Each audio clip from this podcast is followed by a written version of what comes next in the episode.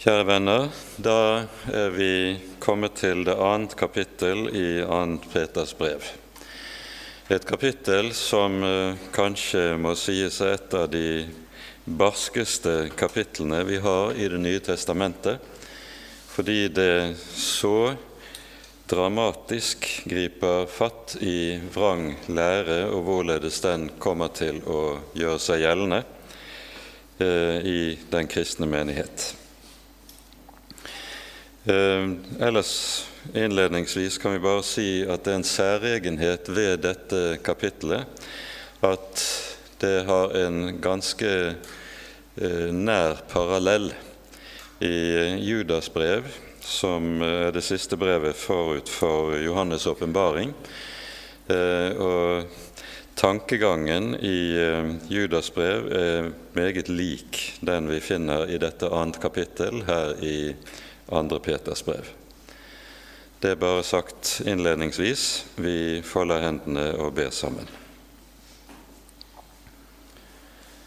Trofaste Herre og Gud. Du har gitt oss alt som tjener til liv og Guds frykt, ved kunnskapen om din Sønn, ved kunnskapen i ditt ord. I ordet har du gitt oss alt vi trenger for å kjenne dine veier og til å vandre på dem. Nå ber vi, Herre, at du vil gi oss din Hellige Ånd, at vi også kan forstå ordet ditt rett og at Ordet får lov til å gjøre den gjerning du har sendt det til, i våre liv, i våre hjerter og i våre menigheter. Herre, forbarm deg over oss. Amen. Det er da slik at hele det annet kapittel i eh, andre Peters brev har de falske profeter eller vranglærerne som tema. Og jeg tenker at det kan være godt at vi til innledning leser hele kapittelet i sammenheng før vi går igjennom det. Det vil ikke bli anledning til å se på alt kapittelet omtaler i detalj, men vi stanser opp for noen av hovedsakene i det vi leser. I Faderens, Sønnens og Den hellige ånds navn.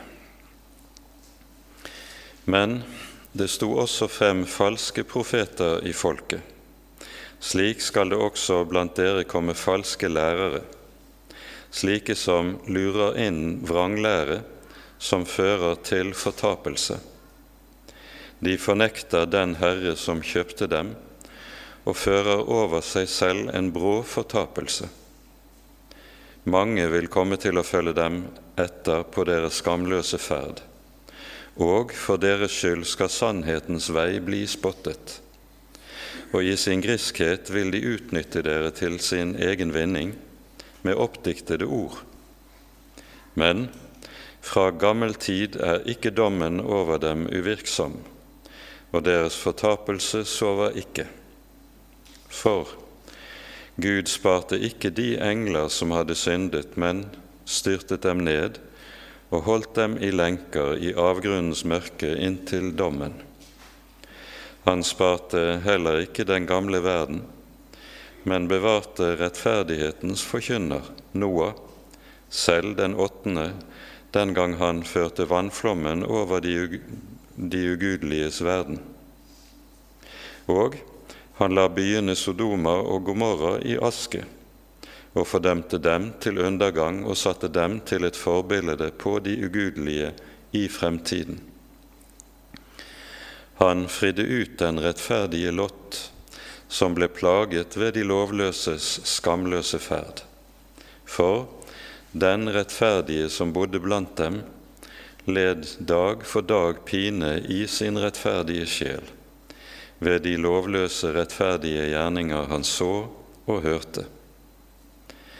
Derfor vet også Herren å fri de gudfryktige fra prøvelse, men å holde de urettferdige i varetekt med straff til dommens dag, særlig dem som følger kjødets urene lyst og forakter herredømme. Disse selvsikre vågehalser, de skjelver ikke for å spotte høye åndsmakter, mens engler som er større i makt og styrke, ikke feller noen spottende dom mot dem overfor Herren. Men disse mennesker ligner ufornuftige dyr som av naturen er født til å fanges og forgå. De spotter det de ikke kjenner og skal forgå i sitt forfall. De får urettferdighetslønn som de fortjener. De ødsler bort dagen i nytelse. Disse kjensler og skamflekker de fråtser i sin onde lyst når de fester sammen med dere. Deres øyne er oppslukt av hor og umettelige i synd. De forfører ubefestede sjeler.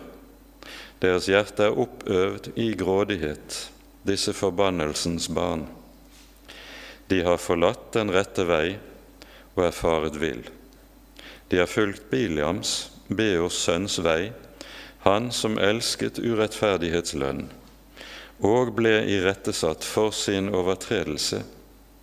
Et umelende trelldyr talte med et menneskes røst og hindret profetens dårskap. Disse er vannløse brønner, skyer som drives av sted av stormvind. Mørkets natt er rede for dem.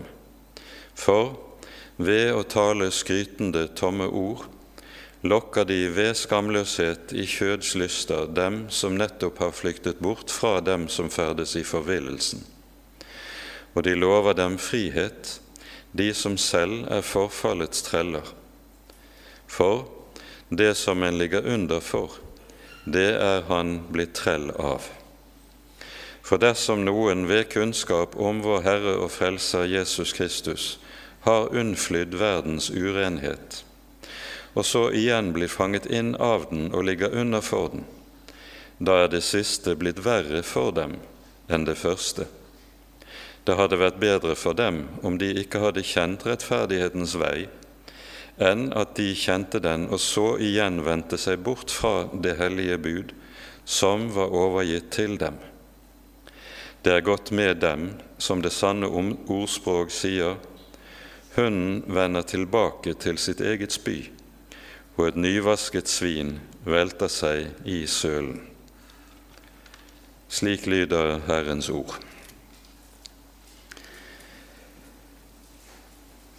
Det er et ganske dramatisk språk apostelen Peter fører i dette kapittelet som vi her har lest.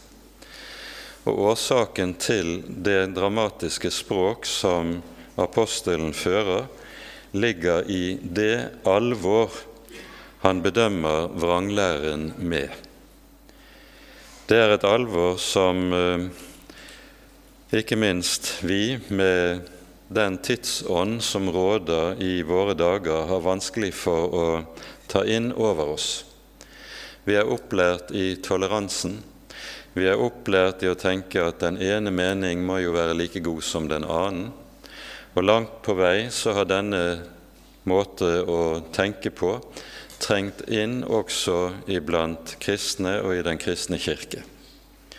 Og Dermed så føles slikt et språkbruk som vi her hører, dypt fremmed, ja, nesten anstøtelig. Det som preger Peter, det er det vi har lest om i det foregående kapittel. Vi hører at kapittel 2 innledes med ordene 'Men det sto også frem falske profeter'.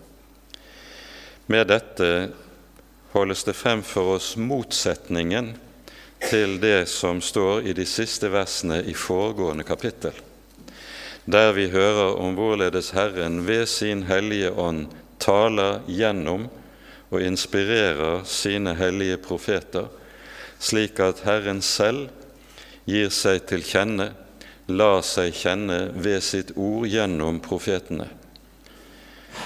Og Det som er det dypt alvorlige med de falske profetene, som altså står der som motsetning til det som lyder i kapittel 1, det er at de fører mennesker bort fra Herren, og dermed, slik som vi hører det understrekes med stor kraft, de fører mennesker inn i fortapelsen. Og Dette er bakgrunnen for det dype alvor som Peter taler med i dette kapittelet.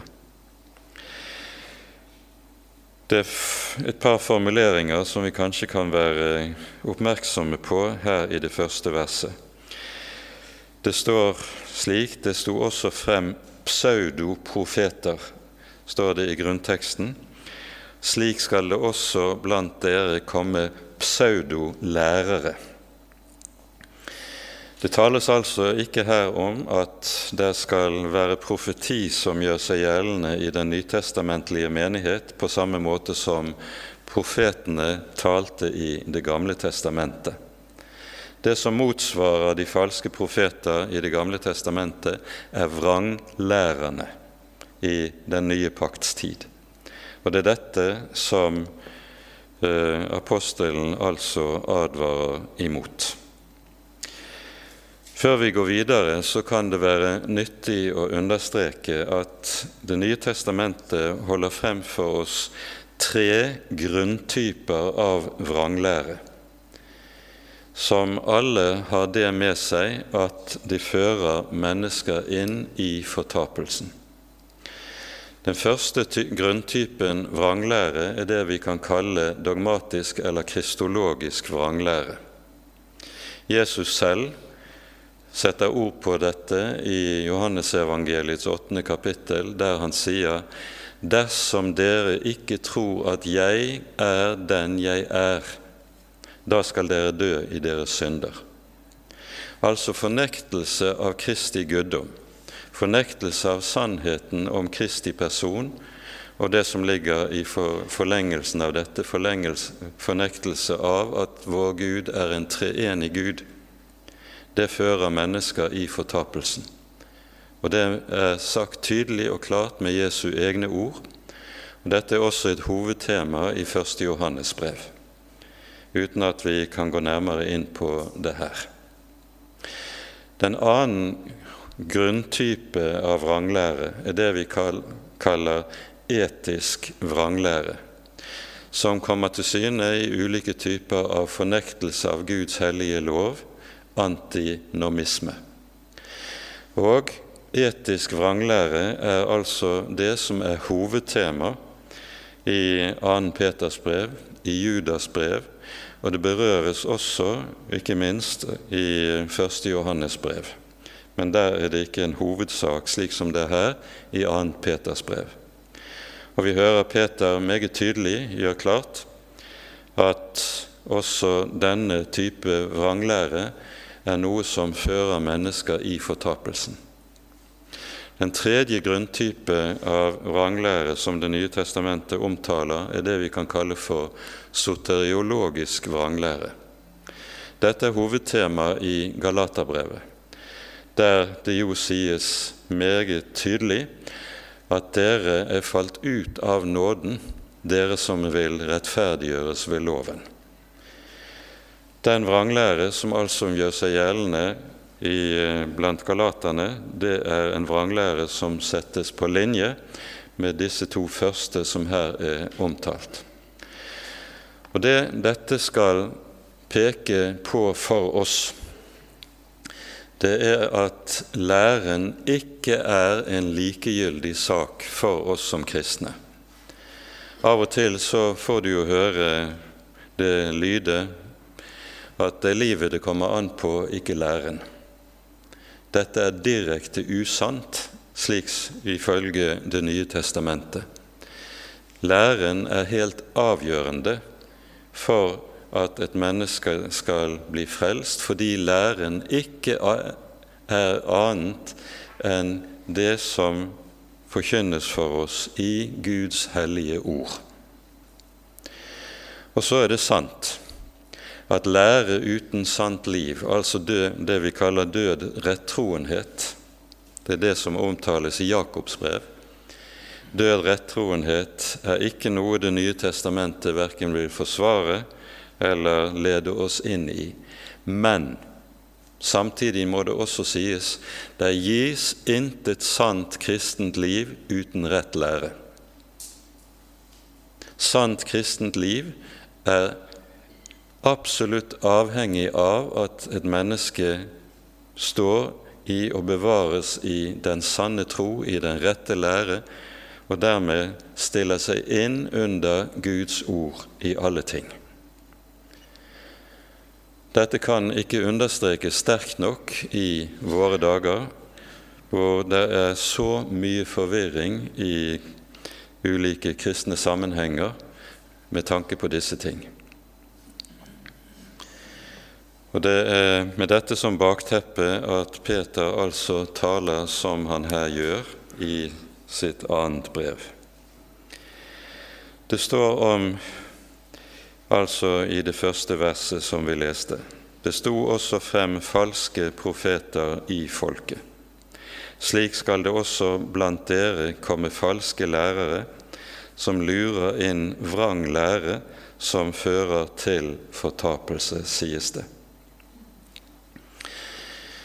Det som Peter her tar frem, det er noe som ikke er en bisak i Det nye testamentet. Vi hører det tematiseres av Paulus uttrykkelig i flere av hans brever. Og leser vi Paulus' avskjedstale til de eldste i Efesos, i apostelgjerningenes 20. kapittel, så hører vi dette en av de sentrale formaninger han holder frem overfor sine, de som skal ta over ansvaret for menighetene etter ham. Her sier Paulus i apostelgjerningene 20 fra vers 28.: Så gi da akt på dere selv og hele den jord som Den hellige ånd har satt dere som tilsynsmenn for, for at dere skulle vokte Guds menighet som han vant seg med sitt eget blod. Jeg vet at etter min bortgang skal det komme glupende ulver inn blant dere som ikke skåner jorden. Ja, blant dere selv skal det stå frem menn som fører falsk tale for å lokke disiplene etter seg. Våg derfor.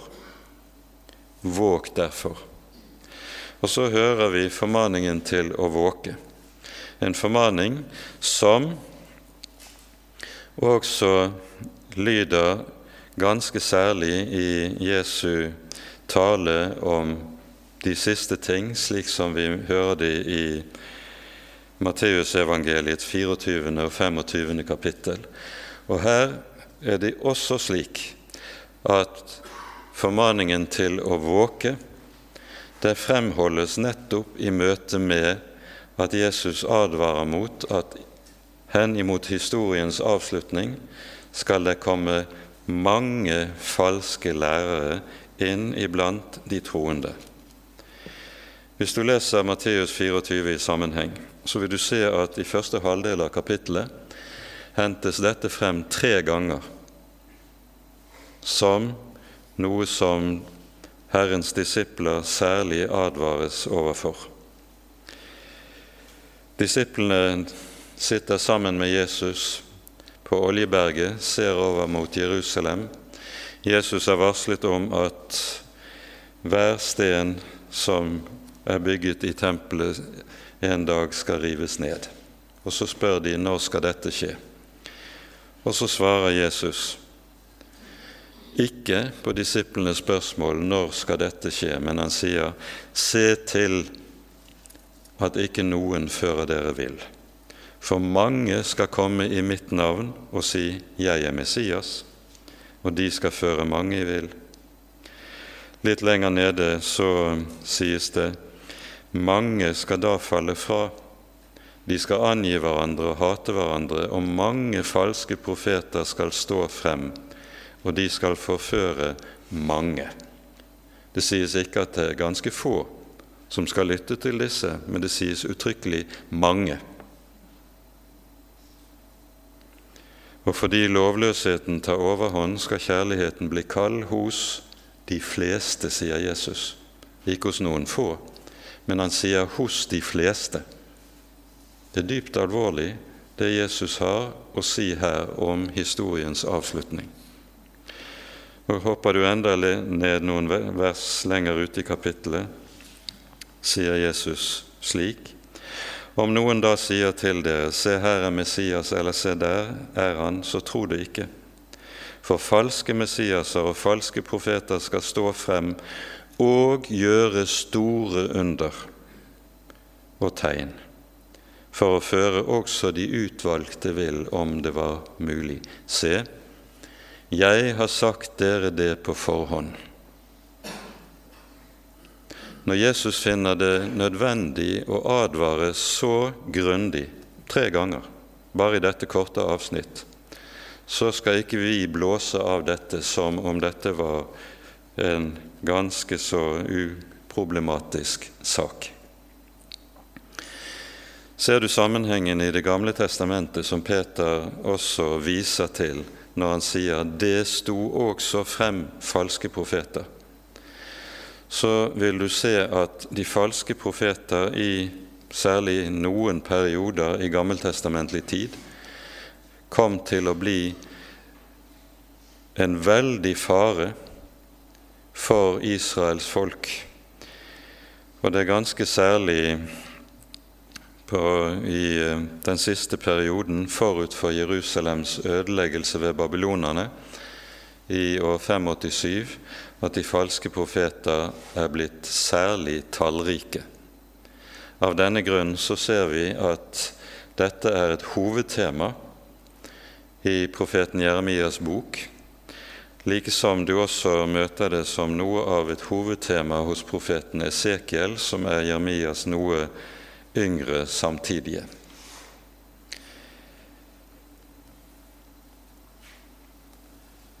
De falske profeter advares dermot allerede i Mosebøkene.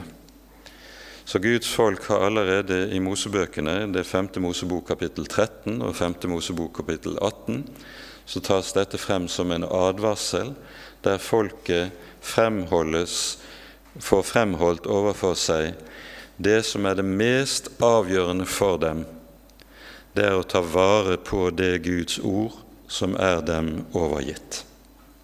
Skal de bli bevart som Guds folk, skal de bli stående under Herrens velsignelse, så må de ta vare på Herrens ord og ikke lytte til de røster som forkvakler, forvansker eller vil føre dem bort fra Herrens ord.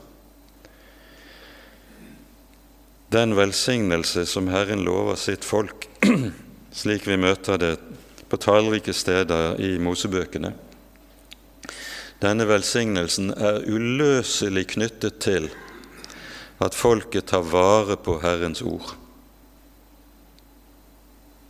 Og Der folket begynner å bli likegyldig i forhold til dette ord, og så begynner i stedet å lytte til røster som lærer annerledes, der går det dem ille. Og Det er denne erfaring som Guds folk har gjort i gammeltestamentlig tid, som Peter nå henter frem og viser til i dette kapitlet. For her gjelder også det Paulus understreker i 1. Korinterbrevs 10. kapittel, der Paulus sier dette hendte dem, altså det gammeltestamentlige Israel, dette hendte dem som forbilder. Men det er skrevet til formaning for oss til hvem de siste tider er kommet, for at vi ikke skal ha lyst til det onde like som de. Og så er det dette forbildet Peter altså tar utgangspunkt i.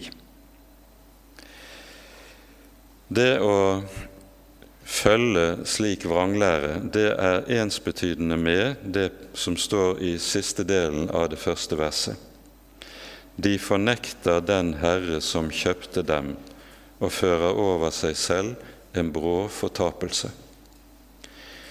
Det er jo tydelig skulle være en selvfølge at disse vranglærere som det her er tale om, ikke er slike som står frem og sier at til menighetene dere må ikke tro på Jesus, vi har noe langt bedre å komme med. Vranglærerne blir jo trodd og tatt imot fordi de trer frem i Jesu navn, forkynner noe som ligner et evangelium, mens det, det som reelt er innholdet i deres forkynnelse, innebærer en fornektelse av Herren, en fornektelse av Kristi person. De fornekter altså ikke Herren med ord, men det som faktisk skjer i læren, er en fornektelse av Herren. Og I og med at vi her står overfor det som vi har kalt for den etiske vranglære, og som møter oss i det som kalles for antinomisme rent kirkehistorisk. Antinomisme betyr anti betyr imot, eller det kan også bety i stedet for, og nomos betyr lov. Altså man setter inn noe som er imot Herrens lov, eller som kommer i stedet for Herrens lov og bud, altså andre slags bud enn de som er gitt oss i Skriften. Om dette sier Paulus i Romerbrevets syvende kapittel. Et kapittel der han lærer oss om det at en kristen er fri fra loven når det handler om frelsen. Så sier han samtidig i dette kapittelet Guds lov er hellig og rettferdig og god. Guds lov er hellig og rettferdig og god. Det står fast. Og det står fast fordi Han som har gitt loven, er hellig og rettferdig og god. Og loven er en åpenbaring av Guds natur som den hellige. Dette er ufrakommelig dersom du vil bli fast ved Bibelens eget budskap. Hvordan kan det da ha seg at Paulus sier at en kristen er fri fra loven, samtidig som han understreker dette så sterkt om lovens hellighet og gyldighet? Ja, Paulus sier faktisk i det fjerde verset i Romerbrevets syvende kapittel at dere er fri fra loven for å bære frukt for Gud. Det er altså bare den som er fri fra loven, som kan bære Åndens frukt. Poenget er vi er frie fra loven som frelsesvei. Vi er frie fra loven som grunnlag for vårt gudsforhold. Din og min lydighet mot Guds hellige lov kan ikke gi oss frelse, kan ikke bringe oss nærmere Gud. I så måte er vi frie fra loven, men det betyr ikke at loven er opphevet. Loven har en annen rolle. Og loven er å forbli hellig og rettferdig og god. Og Derfor er det også slik, og vi får føye inn det som en parentes i denne sammenheng, at det mennesket som fødes på ny ved evangeliet, han fødes på ny, ikke ved loven, ikke på grunn av sin lydighet mot loven, men han fødes på ny gjennom budskapet om Jesus i evangeliet. Det er evangeliet som skaper det nye livet og den nye fødsel, ikke loven. Og Nettopp her går det som er bud, selve det sentrale budskapet i Det nye testamentet, rakt imot det som er det naturlige menneskets tankegang. For det naturlige mennesket tenker jo nettopp at skal jeg ha inngang hos Gud, så må jeg bli slik som Gud vil. Og det sier loven. Du skal, og du skal ikke. Og loven sier at din og min inngang i Guds rike er betinget av vår lydighet. Hvis du gjør det, skal du bli velsignet. Hvis du gjør det, skal du eie livet. Det sier loven. Gjennom Mosebø, alle Mosebøkene er det dette som er noe av grunntonen. Men evangeliet sier ikke hvis du gjør slik og slik, da skal du bli frelst. Evangeliet har ikke slike betingelser. Evangeliet taler overhodet ikke om hva du og jeg skal gjøre. Evangeliet taler ene og alene om hva en annen har gjort. Evangeliet peker på Jesus og sier han har oppfylt alle betingelser for at du skal bli frelst. Og på grunnlag av det han har gjort, har du del i frelsen. Det er evangeliet. Og dette er forskjellen på lov og evangelium. Lov og evangelium gir oss nøyaktig de samme løfter. Begge deler lover oss livet, velsignelsen og alt godt fra Gud. Men de lover oss det på ulike premisser. Loven lover oss dette på det premiss gjør det, så skal du få det. Evangeliet sier ikke hva du skal gjøre, men det sier hva Jesus har gjort. Han har gjort det. Han har oppfylt alle betingelser for at du skal være et Guds barn. Og det er dette budskap som føder et menneske på ny. Og det er dette som menes med å være fri fra loven. Du er fri fra loven som frelsesvei, fordi du vet at med evangeliet forkynnes budskapet om at Jesus han har oppfylt Guds hellige lov i mitt sted, og så er jeg frelst. Men så skjer det underlige når et menneske fødes på ny. Da er et av de mest grunnleggende kjennetegn på den nye fødsel det er at det nye mennesket elsker Guds lov. Det nye mennesket vil av hjertet søke å oppfylle Guds hellige lov.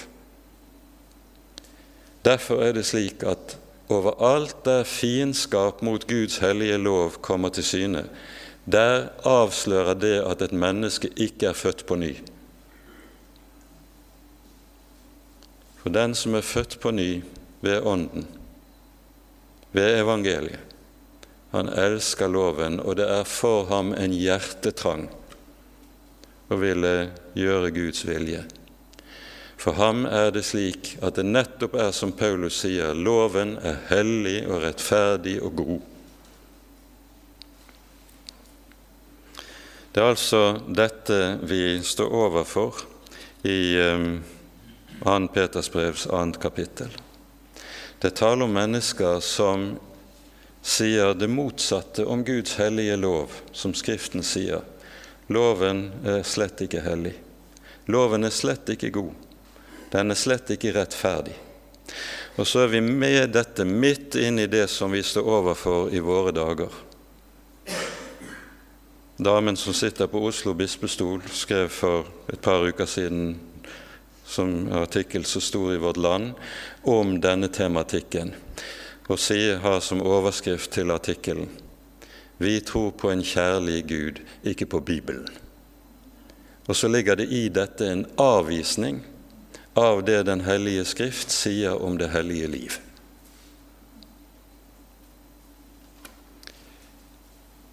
I vers 2 i eh, dette kapittelet står det mange vil komme til å følge dem etter i deres skamløse ferd.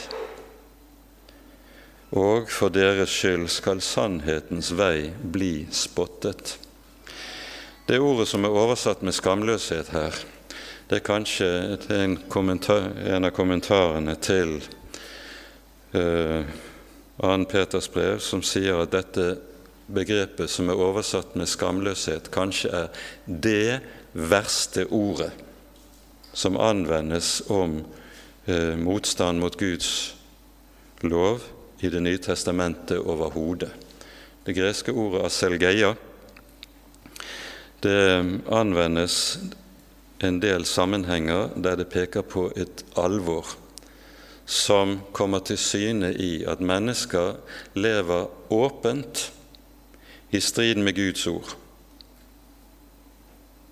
Og i stedet for som det vil være for det mennesket som det normalt har en bevissthet om rett og galt liggende i sitt eget hjerte, så vil det være slik at en skammer seg over at en gjør det som en dypest sett og lengst, lengst inne vet er urett. I stedet for å skamme seg, så står en og er stolt over dette sitt liv som en fører i strid med Guds ord. Paulus omtaler dette i Filippabrevet og sier om dette de setter sin ære i sin skam.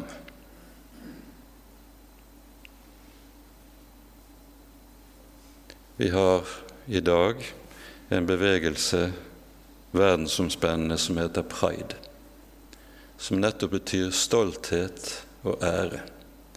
Her er det tale om nettopp en bevegelse som setter sin ære i sin skam. Mennesker som setter sin ære i å leve i strid med Guds ord og med Guds bud. Og når det er blitt slik, som vi ser i våre dager, at kirkene begynner å vandre i pride-tog, da er vi nettopp kommet inn dit i det som apostelen Peter advarer så alvorlig mot i dette kapittel. Og Derfor er dette kapittelet i 2. Peters brev slett ikke noe som er uaktuelt, og som man bare kan lese som en interessant historisk vitnesbyrd om hvordan en tenkte i gammel tid. Dette er nettopp det som er situasjonen i dagens kirkeliv og som vi derfor ganske særlig trenger å grunne over med tanke på at Guds folk må bli bevart.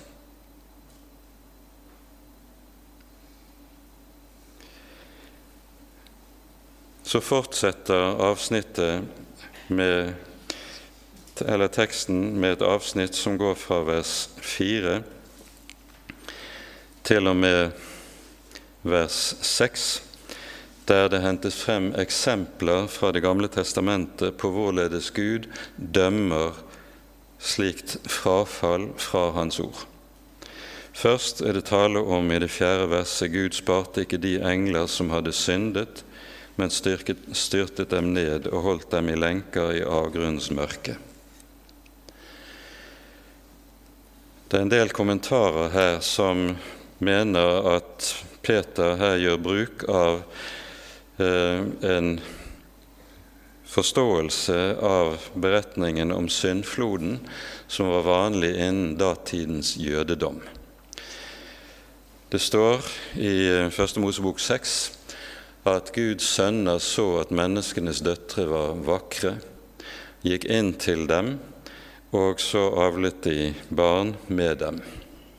Dette ble da tolket innen datidens jødedom og har vært vanlig siden eh, i en del sammenhenger å forstå som at Guds sønner, det er engler. Og englene faller i synd ved å begjære menneskenes døtre, og så får man seksuell omgang mellom engler og mennesker. Dette er i strid med Den hellige skrift, og det er en mytologisk forståelse av tekstene som overhodet ikke kan aksepteres. Og allerede i Oldkirken hører vi at de ortodokse lærere tar skarpt avstand fra en sånn forståelse av det hele. Det som menes her, det er at begrepet Guds sønner og menneskenes døtre peker tilbake på det som står i det femte kapittelet i eh, femte Mosebok, nei, første Mosebok, der Guds sønner er benevnelsen på Sets etterkommere. Det tegnes to slektslinjer. Du har Kains slektslinje og Sets slektslinje. Kains slektslinje er den slektslinje som blir verdslig og gudfiendtlig. Sets slektslinje er i den slektslinje der gudsfrykten nedarves og blir bevart. Men så skjer da det at Sets slektslinje etter hvert også forfaller, blander seg med Kains slektslinje, og så blir resultatet at jorden fylles med urett, sånn som det står, slik at det kun er Noah tilbake som rettferdig, og som berges sammen med sin familie. Så det det taler om her når engler kommer under dommen, er ikke den mytologiske tolkning av eh, eh, Første Mosebok, men det taler om dette at det foregår et fall i englenes verden i det det er en del av englene som følger djevelen i hans opprør mot Gud. Dette omtales i litt fordulte termer flere steder i Det gamle testamentet, eh, men Bibelen er ytterst, ytterst tilbakeholden med å gå inn i disse ting, og derfor skal vi også være tilbakeholden med det. Men det er viktig å være klar over hva som er en rett forståelse av Første Mosebok 6. Når det står at jorden ble fylt med urett To ganger står det i Første Mosebok 6. Det kan være i våre dager kanskje interessant å vite om. Ordet som er oversatt med urett, betyr bokstavelig vold. Jorden ble fylt med vold. Og det hebraiske ordet for vold, det er Hamas. Det kan være også til ettertanke i våre dager. Så kommer beretningen om Noah, like som Gud en, dag, en gang dømte verden i syndfloden, så holdes det frem også i det neste kapittel i Petersbrevet. Slik skal han en dag dømme jorden på ny. Og da er det tale om en dom som vil gå over hele skaperverket. Og det tredje som nevnes i vers 6, det er Sodoma og Gomorra. Og til det som sies om Sodoma og Gomorra, er vi i våre dager nødt til å si den som gjør seg skyldig i Sodomas synd, må regne med å erfare Sodomas dom. For Det som fornektes i våre dager, er jo ikke bare at Guds hellige lov fornektes. Det er at Guds rett, eller Guds domsrett, fornektes. Mennesker tar anstøt av det som er en grunn sannhet i Den hellige Skrift, at Gud har satt en dag til dom, der hvert menneske skal frem for Hans trone og svare regnskap for sitt liv. Dette kan ikke fornektes. Det er en grunnleggende side ved det bibelske budskap. Og Nettopp derfor er det at Paulus også, når han står på Areopagos og forkynner evangeliet for første gang inn i en hedens kultur, slik vi hører i apostelgjerningene 17. Det er den første talen vi hører gjengitt i Det nye testamentet, som er talt til hedninger som ikke kjenner Det gamle testamentet. Alle de øvrige talene i apostelgjerningene er talt til jøder, som er fortrolige med Det gamle testamentet.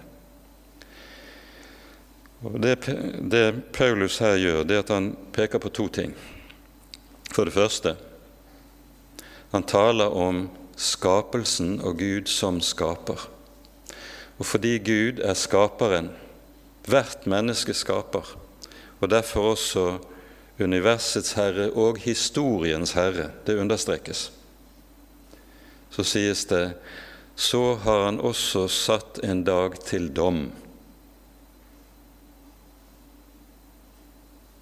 Skapels, Guds, det at Gud er skaperen, den allmektige, det, i det ligger det også Guds domsrett overfor sitt skaperverk. Og så fortsetter apostelen med å si derfor har han også satt en dag til dom. Og så kommer det derfor befaler han hvert menneske på hvert sted å vende om. Det sies ikke kan dere tenke dere å revurdere livet deres? Kan dere tenke dere at uh, det muligens hadde vært annen, noe annet vi skulle vurdere. Nei, Paulus sier Gud befaler. Og hva befaler Gud? Han befaler at hvert menneske skal omvende seg. For han har satt en dag til dom, og dette har han gitt fullgodt bevis for ved å reise en mann opp fra de døde. Kristi oppstandelse er så å si det grunnleggende bevis på evangeliets sannhet, slik som apostlene forkynner det. Og det er denne omvendelsesforkynnelse som vi møter slik hos Paulus i apostelgjerningene, som også er realiteten her i, og ligger til grunn for det vi hører i 2. Peters brevs annet kapittel. Et sant og rett liv for Guds ansikt, det er et liv i omvendelse. Omvendelsen består av det to ting å vende seg fra sin synd og vende seg til Jesus med sin synd for å få syndenes forlatelse. For det gis ene og alene i ham. Ved hans kors, ved hans død. Derfor er det Hans Nilsen Hauge jo sier å være en kristen det er å komme til Jesus med sin synd. Så enkelt er det. Ikke for å få godkjennelse for sine synder, men for å få tilgivelse for sine synder. Det er det det dreier seg om. Det vi forstår med det vi her er inne i, det er at de falske lærere de både fordreier og fornekter Guds hellige lov, og de fornekter også Guds domsmyndighet. Og Derfor er det ingen gudsfrykt å spore i deres budskap og i deres oppførsel. Så sies det også i eh, dette, i det tiende verset, de forakter herredømme. Det er et uttrykk som er vel verd å merke seg. De er med andre ord slike som så å si setter ord på det samme som vi møter i flere steder i den gammeltestamentlige historie. Salme 2. Jordens fyrster reiser seg, og jordens dommere reiser seg mot Herren og mot Hans salvede. Hva sier de? La oss kaste deres bånd av oss. De oppfatter Herrens ord som noe som ødelegger deres frihet, en lenke som de vil frigjøre seg fra. La oss kaste deres bånd av oss. Og i Jeremia-bokens annet kapittel hører vi Israels folk i sitt opprør mot Herren si, eller Herren sier til folket gjennom profeten, du sa, jeg vil ikke tjene 'Jeg vil være fri'. Nettopp dette er opprøret mot Herrens lov. Og dette er det vi møter i det som kalles for forakt for herredømme. For i dette uttrykket 'jeg vil ikke lyde', ligger det dette 'jeg vil ikke ha en Gud over meg som forteller meg hvordan jeg skal leve', og som derfor blander seg inn i mitt liv'. Den slags vil jeg ikke vite noe av. Jeg vil være fri. Det er opprøret. Så hører vi litt lenger nede at disse forfører ubefestede sjeler. Det sies i vers 14. De forfører de ubefestede sjeler. Og Med dette så peker Peter på en sak som også er av overmåte stor betydning. Nemlig når Herren har innsatt tjenere med sitt ord i sin menighet, så har det én bestemt og hensikt nemlig at Guds folk skal grunnfestes i Guds ord. Her kunne vi passende lese fra Efeserbrevets fjerde kapittel, der Paulus nettopp taler om hvorledes Herren Jesus ved sin opphøyelse sender Ånden, og Ånden innsetter tjenere med Guds ord i menighetene.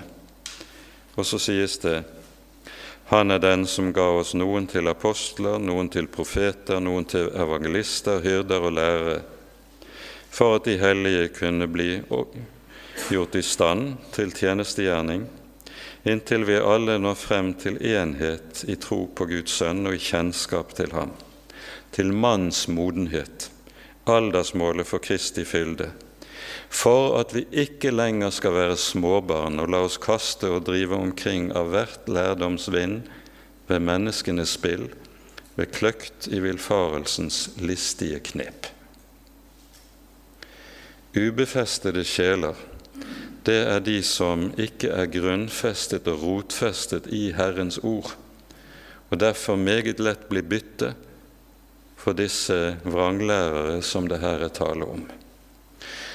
Og Det er dette som Paulus her peker på, lærer oss. Det er noe som burde være et hovedprogram for ethvert sant kristent menighetsliv. Det må legges den største vekt på undervisningen i Guds ord for at Guds barn kan grunnfestes i Ordet, og slik kunne stå fast når stormen kommer. For stormen kommer. Det vet vi. Jesus har sagt det meget tydelig. Og det tre som ikke har røtter, det faller i stormen. Det treet som har festet røtter, som er rotfestet, som er grunnfestet, det blir stående om vinden er aldri så hård. Og Dette er hensikten med at Herren innsetter dette ordets embete og ordets tjeneste i menighetene. At vi ikke lenger skal være småbarn og la oss kaste og drive omkring av hvert lærdomsvær. Ved menneskenes spill, ved kløkt i villfarelsens listige kunster. Så i motsetning til det som vi møter i dette kapittelet i 2. Peters brev, så der det taler om hvorledes ubefestede sjeler, altså nye, kanskje nyomvendte troende, som ikke vet lenger helt hva er rett og hva er galt, de lar seg forføre. Og dette som vi her er inne på, det er noe som ganske særlig må pekes på i forhold til unge kristne. Den lettvinthet i forkynnelsen som har kommet til å prege utrolig mye kristent ungdomsarbeid gjennom de siste 40-50 år, er noe av en hovedårsak til den store forvirring som vi finner innenfor dagens kristenhet i vårt eget land. Jeg husker fra tiden jeg var lærer på bibelskolen på Bildøy. For hvert nytt kull som begynte, hvert ny hver høst, sluttet jeg ikke å undre meg over hvor lite befestet disse unge var i Guds ord. Det var unge som var vokst opp i kristne hjem. Det var unge som hadde trådt sine barnesko i kristent arbeid på bedehus eller i kirke og de var så godt som blanke når det gjaldt kristen kunnskap. Hvorfor? Fordi forkynnelsen var av en så overfladisk art at det ikke hjalp de unge til å feste rot. Og Her må det skje noe ganske radikalt i forhold til hvordan en tenker om kristent barne- og ungdomsarbeid. Her må det også skje noe ganske radikalt hvordan kristne foreldre tenker om oppdragelsen av sine barn. For det som vi med dette stilles overfor, er jo sekulariseringen av det kristne hjem, som er en av de alvorligste ulykker som har rammet kristenheten i vårt eget land. Vi forstår at det som ligger Paulus på hjertet, det som ligger Peter på hjertet, er at Guds folk skal feste rot feste rot i sannheten, grunnfestet slik at de ikke lar seg rokke når stormen kommer. Vi skal ikke lenger være småbarn og la oss kaste og drive omkring av hvert lærdoms vær, ved menneskenes spill, ved kløkt i villfarelsens listige kunster. Når det er slik, så er det fordi vår Herre Jesus har sagt, og det står også i hans endetidstale, himmel og jord skal forgå mine ord skal aldri i evighet forgå. Det er én ting som står fast. Det er det Jesus har sagt. Alt annet skal rokkes. Alt annet skal falle. Men den som bygger på dette ord, han skal bli stående, også når stormen kommer. Og dette er Guds løfte til sitt folk. Ære være Faderen og Sønnen og Den hellige ånd, som var og er og være skal, en sann Gud, høylovet i evighet. Amen.